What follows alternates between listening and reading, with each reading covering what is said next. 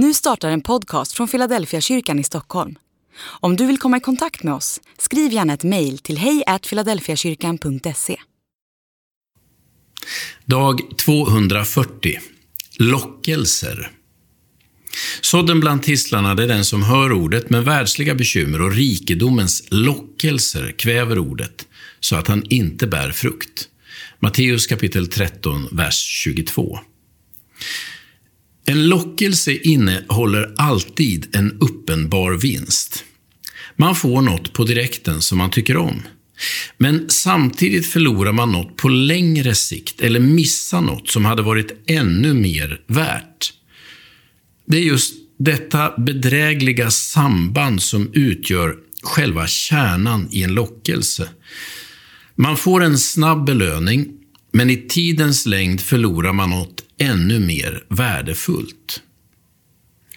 Gång på gång betonar Jesus hur bedrägligt det är med att sätta sin tro, sitt hopp och sin kärlek till pengar. Du vinner något på kort sikt, men i längden blir du en förlorare.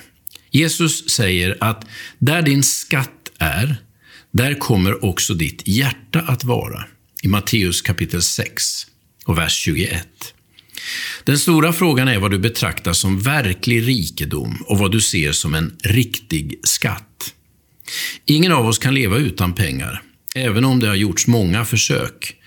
Det är inte pengarnas vara eller inte vara som är frågan.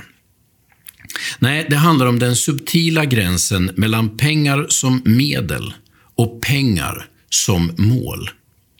Det är när pengarna blir skatten vi söker som vårt hjärta kommer fel. Man kan inte leva utan pengar, men man kan inte leva av pengar. Den stora frågan är inte om du har mycket eller lite pengar, utan om pengar har mycket eller lite av dig.